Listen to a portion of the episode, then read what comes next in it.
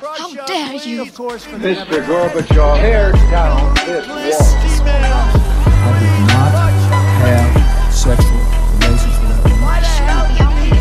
Read my lips. Hell yes, we're gonna take your AR-15. It's waking up. I have a dream. Thank you. Ja, det går ikke så altfor bra med Støre-regjeringen. Det har vært mange utfordringer. Noen eh, har de ikke hatt eh, kontroll over sjøl, og vanskelig å skylde på, eh, skylde, skylde på de for, men andre ting klarer de å skape sjøl. en del eh, ulike problemer og saker, og det har kommet de siste ukene noen kontroversielle saker, og noe som Særlig én sak, Harald, som går rett til kjernen av det som vi driver med, da. Eh, nemlig eh, forskning. Eh, og det er eh, en debatt her rundt eh, akademisk frihet, fordi eh, den eh, i slutten av oktober, eh, i hvert fall i 22. 22. oktober, så hadde Nasjonen, Aftenposten og andre en sak om en rapport fra Forsvarets eh, forskningsinstitutt eh, som heter 'Scenarioer for uønsket påvirkning i forbindelse med norske valg'. Det var en eh, undersøkelse som eh, ble, bestilt av den eh, forrige eh, regjeringen. Man hadde jo sett de siste årene eh, flere forsøk på å påvirke valg. Man har jo sett det f.eks. med brexit-avstemningen i Storbritannia, hvordan, hvordan ikke-statlige aktører og selskaper, da, sånn som eh, Cambridge Analytica, eh, systematisk samlet data om folk og brukte det til å manipulere velgere eh, den ene eller andre veien. Eller de var jo særlig for å stemme mot Eller for å, opp, for å gå ut av EU, da. Eh, ledelsen i brexit. Eh, og det har jo vært en skandale i seg sjøl. Eh, så med dette som bakgrunn så har, jo, har de utviklet da en, en rapport som skal beskrive og drøfte mulige scenarioer for hvordan informasjonspåvirkning i sammenheng med norske valg kan foregå. Eh, og poenget som de eh, legger fram da, i, i denne rapporten, er det at eh, valgpåvirkning er ikke et mål i seg sjøl, men et middel for å nå et høyere strategisk mål. Og de scenarioene som de ser for seg, eh, er A. Politisk omveltning. B. Politisk endring. Og C. Svekket tillit i samfunnet. Og det, det er dette de forsøker å utforske da i eh, denne rapporten. Og så fikk det Det kom vel egentlig eh, til folks, eh, til folks eh, bevissthet, eh, for å si det sånn, da eh, kommunal- og distriktsminister Sigbjørn Gjelsvik fra Senterpartiet mente at funnene i denne rapporten kunne gi næring til konspirasjonsteorier og koble EØS-motstand til ekstreme politiske synspunkter. Og dermed så valgte departementet å ikke publisere denne rapporten på sine nettsider, altså de som har bestilt det, da. Eh, Men så kom jo kanskje det mest oppsiktsvekkende eh, fra Gjelsvik, og det er at han sier at og dette er direkte sitat. Hvis forskere ønsker å presentere slike argumenter for EU eller, og, og EØS, kan de melde seg inn i en organisasjon eller et politisk parti, i stedet for å pakke det inn i en forskningsrapport om valgpåvirkning, som er egnet til å bidra til økt polarisering av den norske debatten. Sitat slutt. Ehm, jeg skal se nærmere på hva han egentlig mener der eh, med dette med hvorfor eh, han peker på EU og EØS, men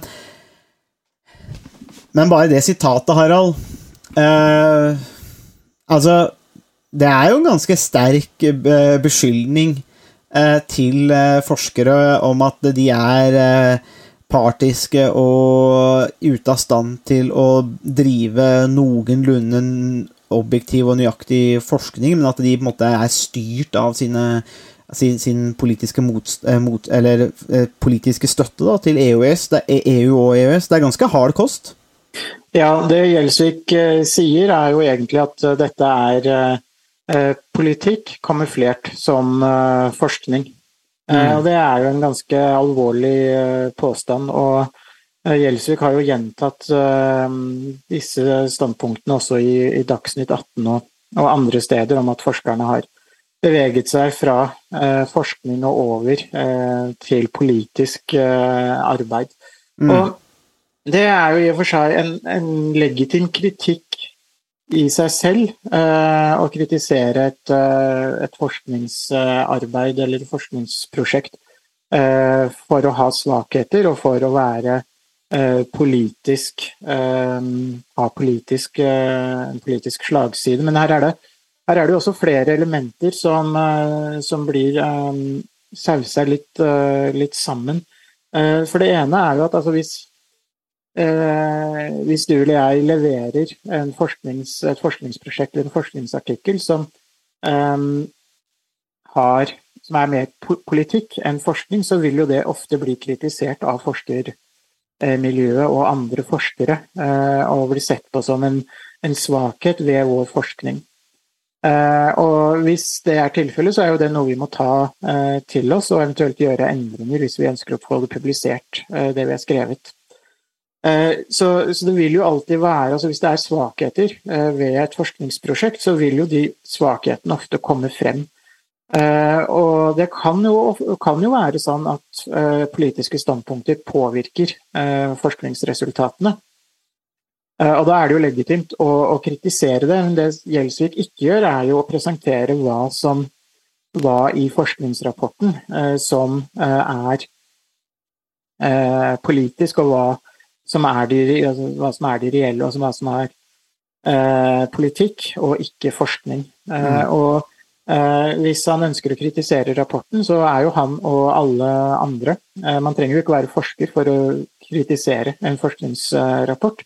Eh, så hvis man har gode argumenter, eh, så, så vil de argumentene kunne kunne bli eh, Kunne få gjennomslag eh, hvis de hvis de viser seg å holde vann, og kritikken eh, er eh, berettiget. Mm. Sånn sett så, så er det er det ikke noe problem i seg selv eh, at eh, forskning blir kritisert, eh, eller at man, den kan eh, finne svakheter eh, ved, eh, ved forskningsrapporter og forskningsarbeid. Eh, og så langt i, i debatten så har det vel ikke kommet fram noen klare argumenter for at her er det eh, noe strukturelt feil med forskningsrapporten. Det er ingen andre forskere som har eh, gått ut med en sterk kritikk av resultatene eller av eh, rapporten som, som sådan. Så eh, det er også med på å, svekke Gjelsvik sin, eh, sin kritikk. eh, Mm. Og som også tyder på at Gjelsvik har, har nok misforstått både hva forskning er, og hva eh, denne rapporten eh, egentlig handler om. Mm. Ja, det er det er, det er Du er inne på det, altså Spørsmålet er jo om, om Gjelsvik helt tatt har lest eh, rapporten. Eh, og om han har lest den, så tror jeg ikke han har skjønt på en måte hva det handler om, og kanskje ikke helt skjønt hvordan forskning, som du sier, Harald, fungerer. Eh, og så har jo svaret vært det verst tenkelige. For at én ting er at man kan være uenig, og det er mye jeg er uenig i. Eh, sånn forskningsmessig, hvis jeg, hvis jeg leser ting og, ting og tang. Men, men, men det å ikke publisere altså Nå blir jo denne rapporten her publisert altså Man kan jo lese den uansett, men det, men det er noe med signaleffekten. At her har du fått en forskningsrapport levert, og så er du uenig i noe av diskusjonen, og du liker ikke formen på det. Og, og det er jo særlig dette med EU og EØS da, som vi skal komme tilbake til. Men fordi da eh, at, det er, at dette med EU er, og EØS-avtalen er trukket opp som et scenario, så ser man på det som da Ok, dette er, som du sier, dette er forskere som pakker partipolitikk, eller politiske standpunkt, inn i, inn i forskning, gjemmer det bak der. Og da er svaret å ikke publisere. Eh, og det er egentlig litt vanskelig for meg å eh, tenke seg på en måte rett og slett hvor dum det går an å bli i et velfungerende eh, Vi håper det skal være, i hvert fall, demokrati som Norge. At man får en rapport som man ikke liker, og så er svaret å ikke publisere. Det, det er litt sånn nedkjølende signaleffekt, syns jeg. Ja. Eh, Det er et, et demokrati eh, er jo avhengig av åpenhet for å kunne fungere. Eh, Velgerne og borgerne eh, skal ha mulighet til å få tilgang til eh, det arbeidet som regjering og storting og andre politiske organer bedriver. Dersom man ikke kan få tilgang til sakspapirer eller til bakgrunnsmateriale som, eh, regjeringen og og storting bruker, så, så innebærer det også at eh, man som velger eh, ikke har mulighet til å gjøre seg opp en oppfatning av om, om regjering og storting gjør en, eh, en god jobb eh, eller, eller ikke. Eh, Så behovet for åpenhet eh, er helt grunnleggende for et eh, noenlunde velfungerende eh, demokrati. Mm. Eh, Så, så det i seg selv er jo alvorlig eh, når en rapport man ikke liker, eh, ikke blir eh, publisert. Mm. Um, og, det, og det andre er jo også det at um, i, i en sånn situasjon hvor man velger å ikke eh, publisere en rapport man, eh, man misliker, så sånn strategisk og mer, mer sånn kommunikasjonsmessig, så, så er, sender det også veldig eh, dårlige signaler. Og det blir en strategisk sett så blir det en tap, tapsituasjon. Altså man, Mm. det er en situasjon hvor Gjelsvik og regjeringen eh, ikke eh, klarer å komme ut av det på en god, eh, på en god måte. Eh, Gjelsvik, eh, eh, altså det, det som kunne vært en strategi for Gjelsvik, ville jo vært å publisere rapporten, eh, men også å diskutere noe av det han mener er svakhetene med, med rapporten.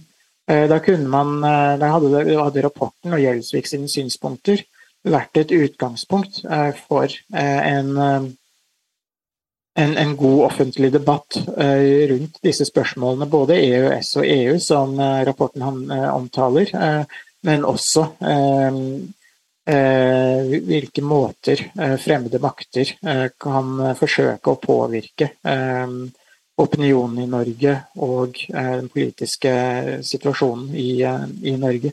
Mm. Ja, da kunne man fått en opplyst diskusjon rundt det her, og hvis det hadde vært svakheter ved rapporten, så ville de svakhetene eh, antagelig kommet frem i løpet av eh, den debatten. Men nå, nå har man eh, begynt eh, i eh, helt motsatt ende med eh, mistenksomhet, og eh, når en rapport ikke blir publisert, så, så vil man jo automatisk eh, bli mistenksom og tenke hva er det eh, regjeringen forsøker å skjule eh, ved å Mm. ikke publisere denne, denne rapporten. Mm. Og det er jo helt åpenbart at enkelte rapporter og en del informasjon om rikets eh, sikkerhet eh, må hemmeligholdes. Eh, og så har man jo en, en poli altså har man politiske organer og strukturer og institusjoner som, som avgjør eh, hva som skal hemmeligholdes og på en måte ha, fører, eh, fører tilsyn eh, med den, den type hemmelighold. Eh, eh, så det er, jo, det er jo ukontroversielt at noe må, må hemmeligholdes.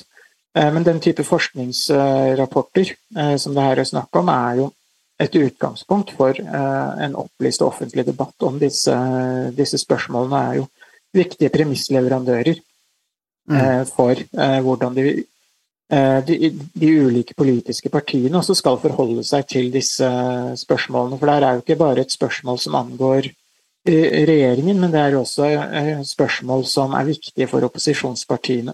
Mm. Opposisjonspartiene ikke får tilgang til, eh, til den informasjonen som, eh, som er tilgjengelig og som er nødvendig for å eh, gjøre seg opp en mening om disse spørsmålene, så, mm, så er man jo med på å, på å skape en, eh, en kultur for hemmelighetshold, eh, og som også kan eh, på sikt være med på å, redusere tilliten til demokratiet og legitimiteten til, eh, til både dagens regjering, men også det demokratiske systemet mer uh, generelt. Mm. Det er jo noe, er noe smålig og barnslig over Gjelsvik uh, når, måtte, når du får en sånn rapport og så bare Nei, den vil jeg ikke publisere, for den, uh, den er jeg ikke enig i.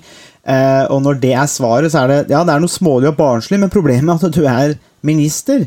Hadde det hadde det vært i barnehagen eller på skolen eller i en eller annen uformell setting, så hadde det ikke vært så farlig. Men når man, når man sitter i et viktig embet, så er det liksom da, da er det noen andre ting som gjelder, og det er noen nasjonale hensyn som bør gå foran, og dette, dette burde man jo evne å skjønne innad i departementet. eh, Og også i, i Senterpartiet. Det må jo være noen eh, rådgivere her som ikke er verdt lønna si, tenker jeg, når det kommer til de tingene her. For det er noe smålig og barnslig. Og det naturlige svaret som du er inne på, Harald, er jo det at det, det er jo fullstendig mulig å imøtegå den rapporten her. Man kan jo si det at eh, ok, de har valgt en, en, så, eh, en, en egen metode her for å bygge opp dette scenarioet. Det er jo er jo det som er veldig fint i forskning, da, at man, eh, de har valgt da eh, en, en såkalt eh, morfologisk analyse, og de har eh, gått gjennom en analysefase. De har definert problemet, de har satt rammene, og de har definert en rekke parametere.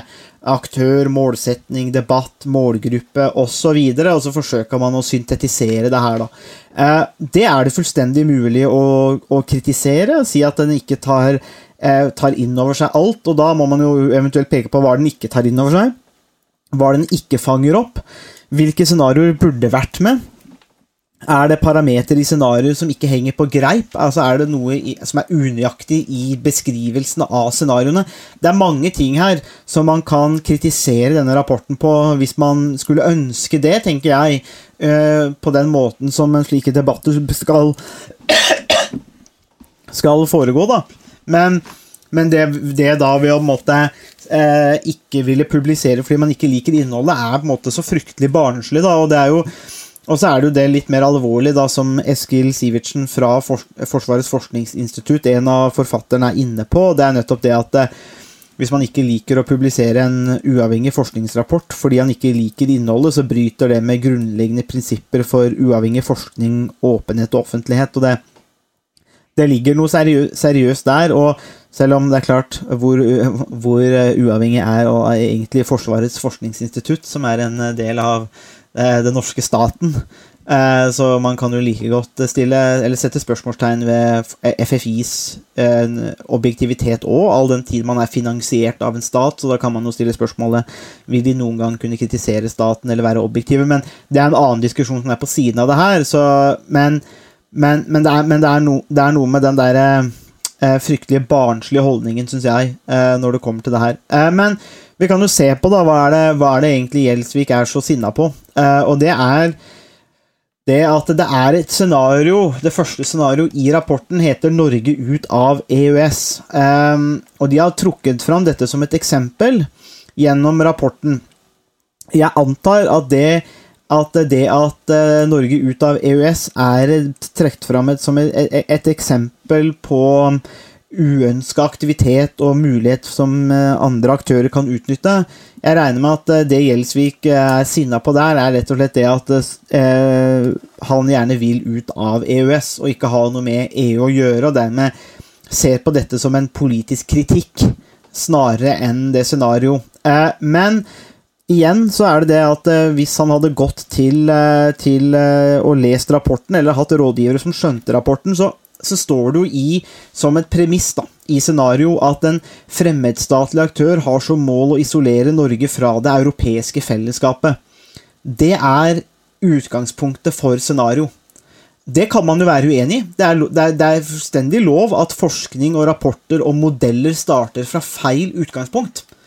Det er jo velkjent. Det er vel også Daniel Kahneman som har, har artikulert det på, på, på, best måte ved å si at man kan ha har alle disse elegante teoriene, men hva om man starter fra feil utgangspunkt?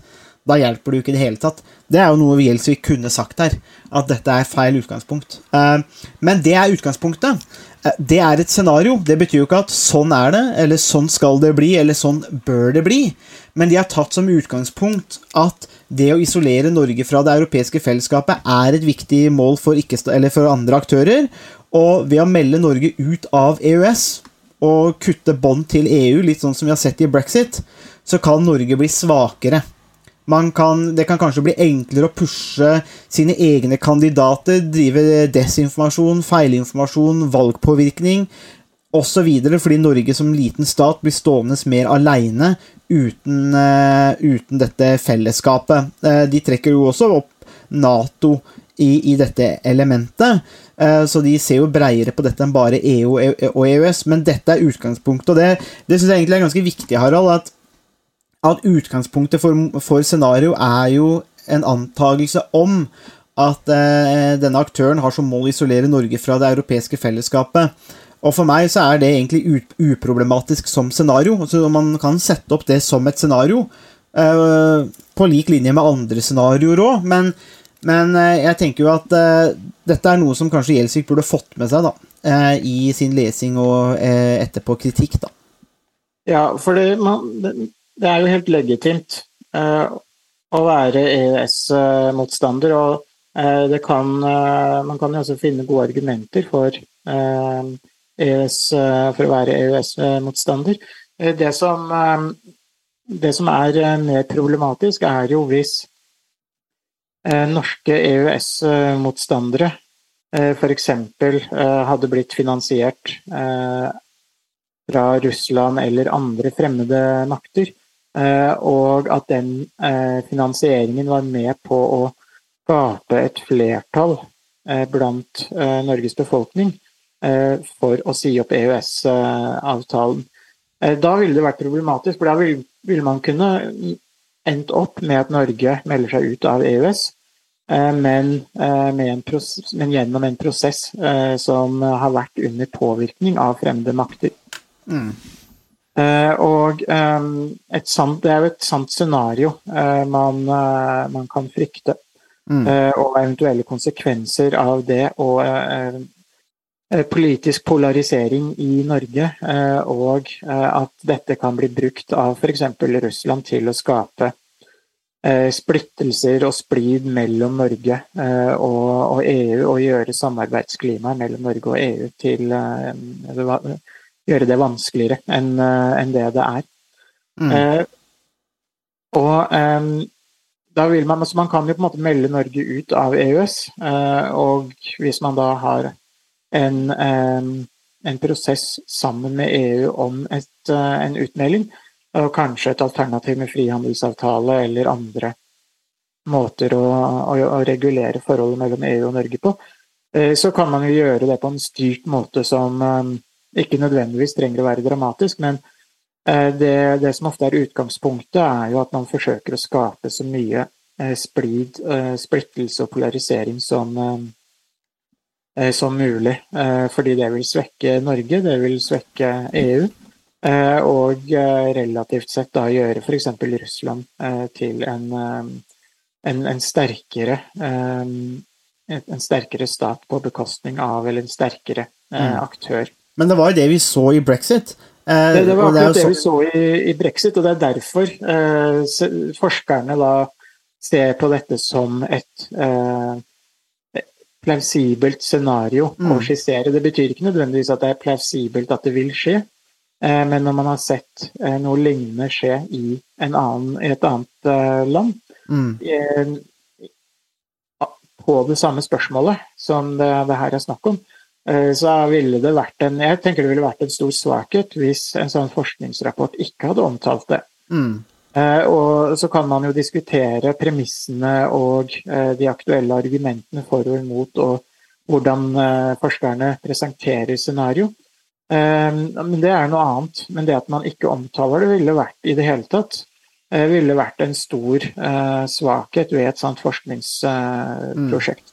Da ville man unngått det som på mange måter er eh, elefanten i, eh, i rommet. Mm. Og det er nettopp det her som, som du er inne på her. Jeg tenker Brexit er jo egentlig en god sammenligning, fordi at der hadde vi jo eh, aktører som forsøkte å påvirke eh, avstemningen i en bestemt retning.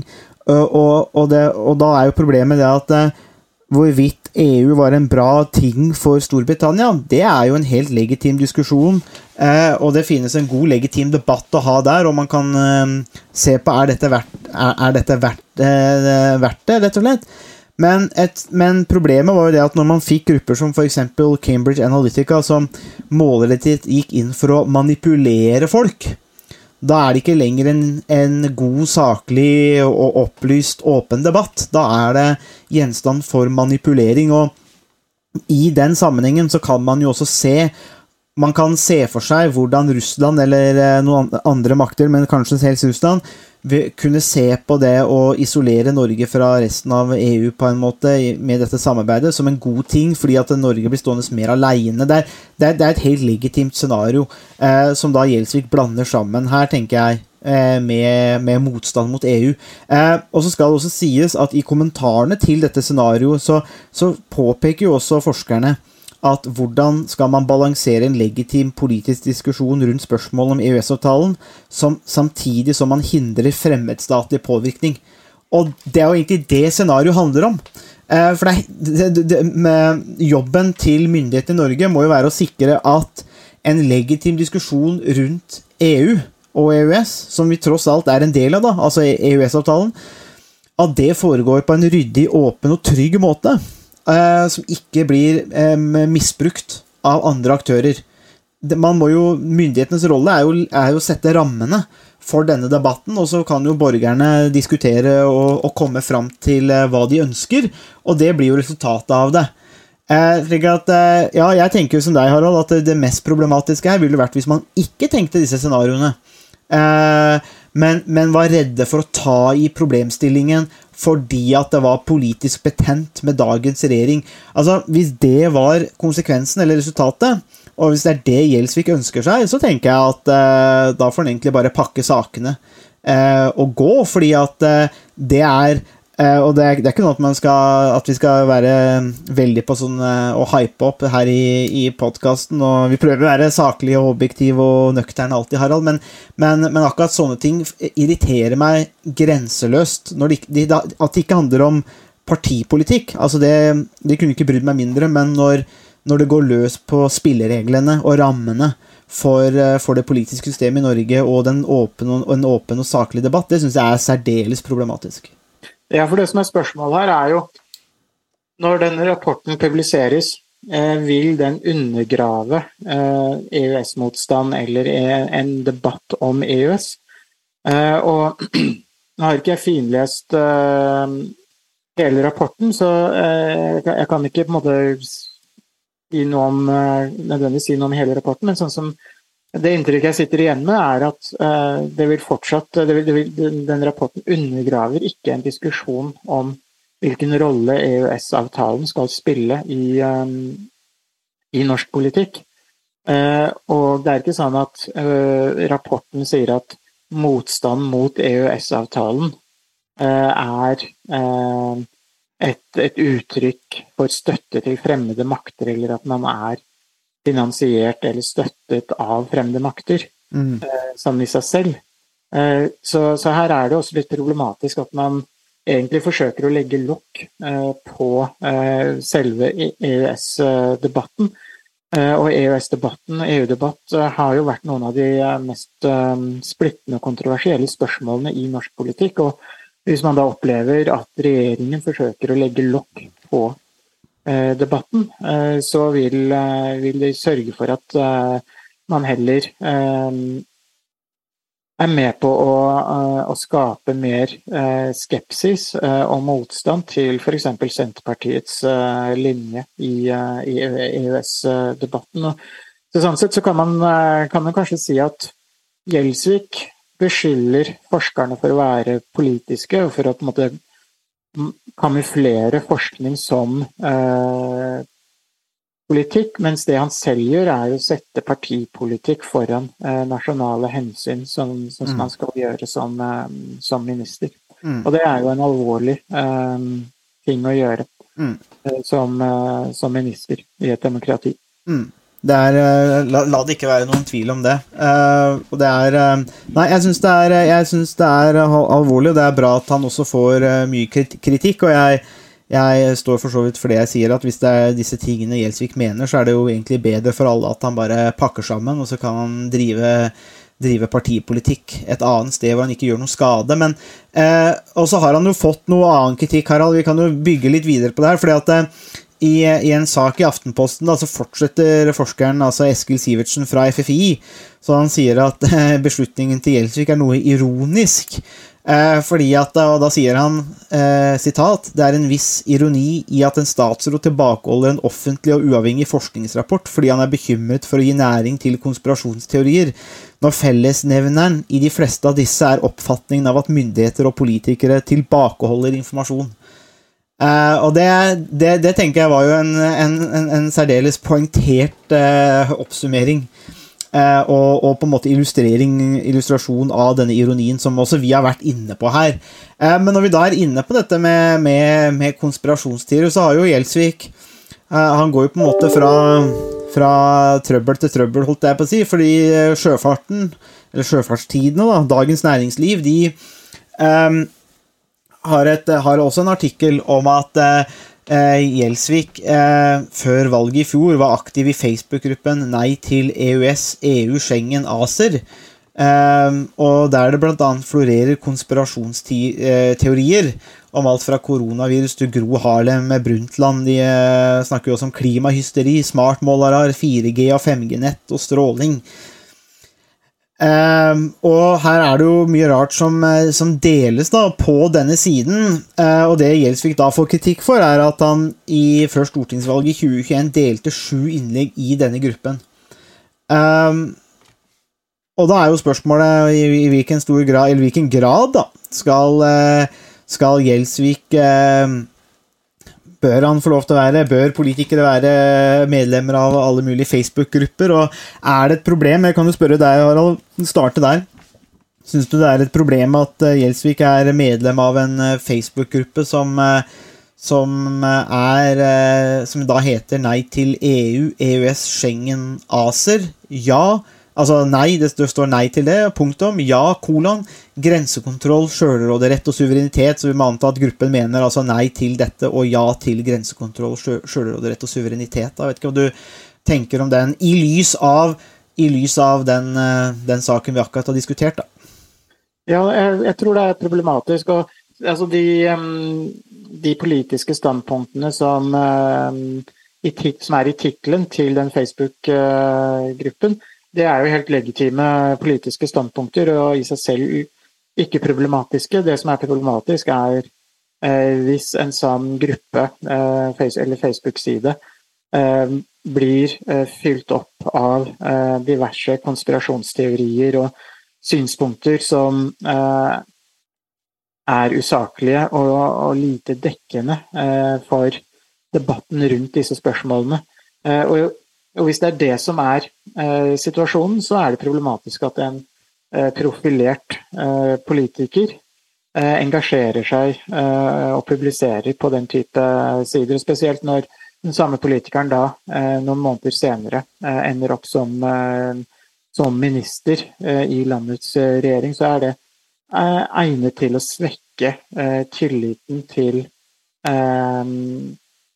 til, eh, til den politikeren som, eh, som minister. Eh, så som, som politiker så, så, er det viktig å kunne nå ut til så mange som mulig, og det gjør det fristende å engasjere seg i den type mm. debatter. Den type, I den type grupper som, som det er snakk om her. Fordi det er en arena hvor man kan nå potensielle velgere. Eh, samtidig så er det problematisk eh, hvis man eh, forsøker å nå velgere i og gjennom den type påvirkning, og hvor man, hvor man da kanskje ikke heller tar avstand fra konspiratoriske innlegg som blir publisert på en, på en sånn side eller i en sånn gruppe. Mm. For da blir man automatisk assosiert med den type standpunkter, og konfrontert med hvorfor man ikke har tatt avstand fra den type eh, standpunkter som ikke har noe rot eh, i, i virkeligheten. Så, så der, sånn sett så er det, er det problematisk at en profilert politiker er aktiv i den type, den type fora.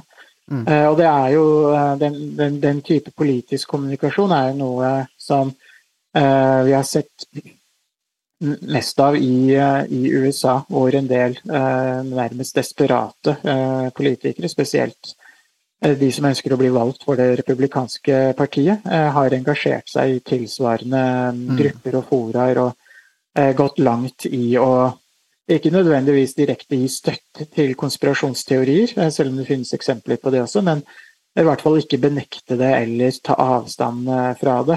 Og, så sånn sett så kunne det vært på sin plass eh, å, å, spørre eh, statsråden eh, om han tar avstand fra de konspirasjonsteoriene som har blitt fremmet på, på den Facebook-siden. Mm. Og Hvis han ikke gjør det, så er det egnet til å svekke tilliten til han som, som statsråd. Mm. Han mener jo altså Det skal jo sies, da, altså etter at eh, Dagens Næringsliv konfronterte Gjelsvik med, med denne Facebook-gruppa, så meldte han seg ut. Uh, det, men det er jo da altså for en dag siden. Uh, to dager siden. Uh, men han likevel posta jo, eller hadde 15 innlegg da, over flere år. og det er noe med det at Ja, det, det, det, er jo, det er jo billig stemmefangst når du, når, du, når du ser hvor mye rart som skrives på ei side. Eh, blant annet eh, innlegg om at eh, Gro Harlem Brundtland skal oppløse det etniske Norge. Altså, Gudene veit hva det hele tatt skulle bety, men, eh, men når du er på en sånn gruppe og du ser sånn type innlegg, da skal du være ganske desperat og kåt etter stemmer.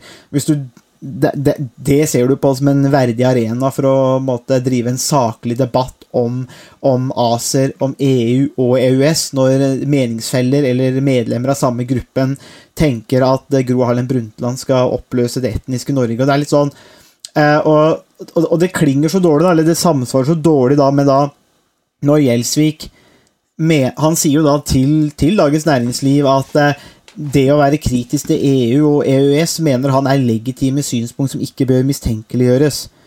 Men, og, det, er, det, er, vi jo enig i.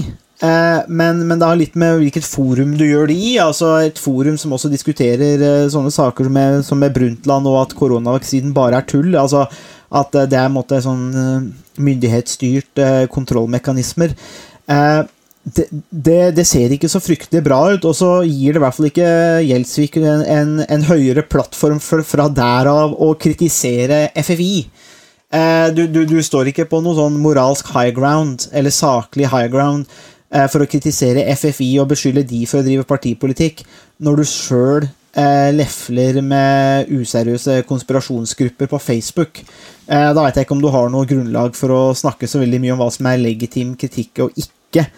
Eh, så har, han har nå meldt seg ut, og det skal også sies at eh, departementet på mandag også publiserte denne rapporten, men, men det er nå et eksempel på hvordan en fjerde statsmakt har dratt har dratt eh, departementet og, og, etter seg her for å få de til å, til å publisere rapporten. Men jeg, jeg, er usikker på om Gjelsvik har skjønt, og departementet egentlig har skjønt, Eh, problemet her. Uh, og da er vi jo på en måte like langt. og det som jeg syns er veldig alvorlig med det her òg, Harald, er at det her er jo én sak, men, men, men vi, vi, fikk jo noen lignende saker ikke sant, med, med, med, i forrige regjering. Altså hvor man ville overkjøre vaktbikkjene eh, innad Altså eh, eh, innad på Stortinget, og man brøt sedvane, 100, over 100 år gammel sedvane i Stortinget, for å måtte hjelpe sine egne. Og det er noe med den derre um, det, er noe med et eller annet eh, i makta her på toppen. Det er litt vanskelig å formulere nøyaktig og konsis, men det, det lukter litt ullent, da. Uh, når, du, når, du, ser det på den måten her, at uh, det, veien er veldig kort til å bryte sedvane, til å forsøke å ikke bli kontrollert, forsøke å slippe unna med, med reiseregninger og gode uh, og, og, og, fiktive um, pendlerboliger. Og kneble eller ignorere viktige diskusjoner for nasjonal sikkerhet. Det lukter liksom litt sånn Altså, det bidrar jo ikke til eh, tillit da, til politikerne, er kanskje det jeg vil fram til. Ja, eh, jeg tenker det her er et uttrykk for en eh, voksende maktarroganse blant mange politikere. Både i dagens regjering, men også i forrige regjering. Og det som er alvorlig med det, er at det, er en maktarroganse som man finner stort sett i alle politiske leirer og partier. Det er ikke sånn at man kan si at det er ett parti som er eh, spesielt maktarrogant fordi de har hatt makten lenge eller eh, noe tilsvarende. Det er noe man finner i Høyre, Arbeiderparti, Frp, Venstre, SV, Senterpartiet osv. Det er noe man finner i de, de aller fleste partiene. Og det som er alvorlig med det, syns jeg, er at det gir uttrykk for at vi som politikere, vi som representerer staten, vi vet best. Og det er også en sånn Eh, et uttrykk for at man kanskje tror at vi i Norge vi vet best, eh, fordi vi er et eh, demokrati og et, en stat som ofte gjør det godt på ulike rangeringer, både av levestandard, demokrati og sysselsetting og andre ting. Og som, som skaper grobunn for at man også kan ta seg friheter til å overkjøre det som er sedvane, det som er nasjonale interesser, og at man lar partipolitikk og mm. snevre hensyn gå foran, sånn som vi har sett i denne saken. Og eh, hvor man i den forrige regjeringen lot eh, eh, 100 år sedvane eh, bli brutt eh, for eh, at en enkelt eh, minister skulle få den posten han, han ønsket etter eh, etter at eh, perioden og tiden som, eh, som minister var over.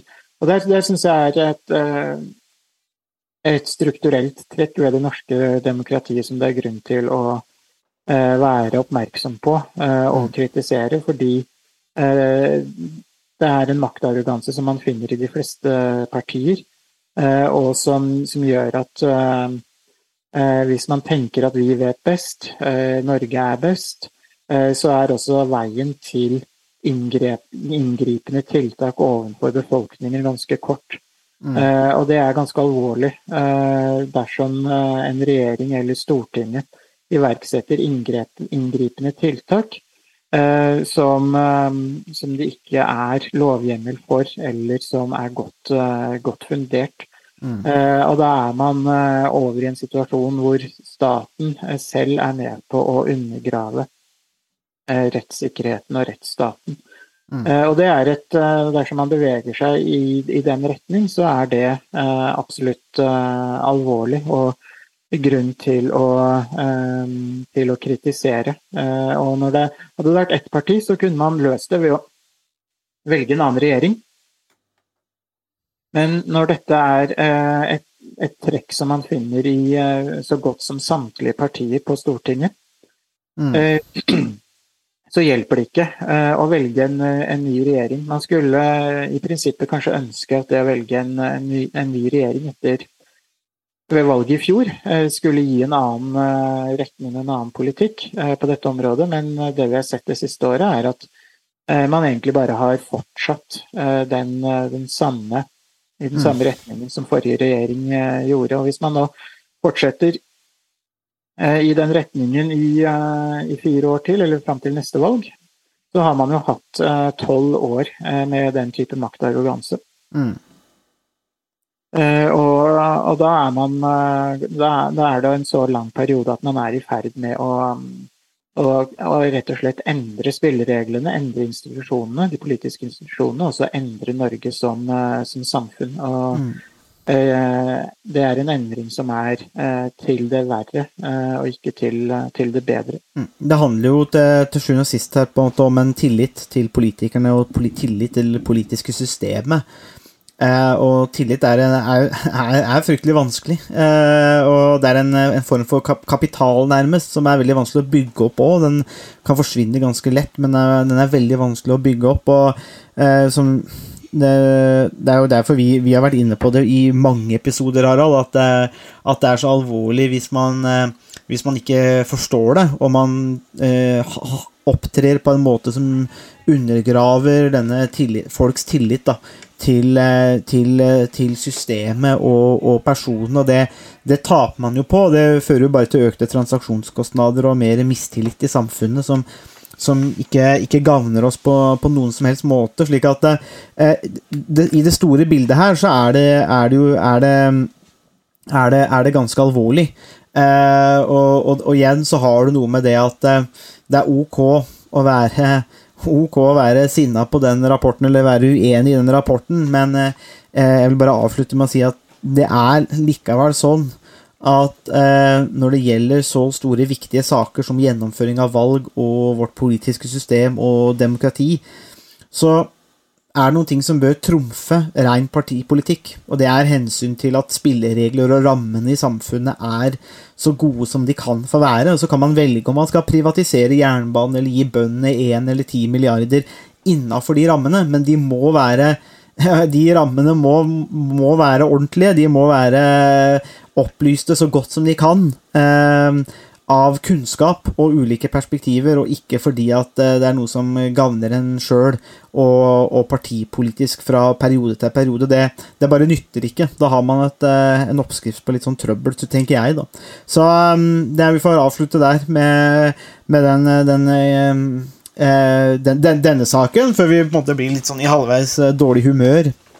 I hvert fall blir jeg det av, eh, av sånne typer saker, fordi man blir på en måte så uendelig skuffa, men det er kanskje det vi eh, ikke burde bli. Men eh, vi får se. Det er andre saker som, eh, som også regjeringen sliter med, som vi skal ta opp i noen andre podkaster. Men det her er nå i hvert fall en av de store problemene som de har klart å skape helt sjøl. Eh, Det er ikke, ikke vind, og det er ikke eh, strømpriser, og det er ikke Putin, men eh, dette har de klart å skape helt sjøl, så det, det er noe har de i hvert fall orden på. Takk for at du hørte på Statsvitenskap og sånt. Har du spørsmål, kommentarer eller tilbakemelding, så er det bare å ta kontakt på vår Facebook-side, per e-post eller brevdue. Musikken er som vanlig laget av Robin Horvath, og Mats Halvorsen mikser og redigerer podkasten. Vi høres!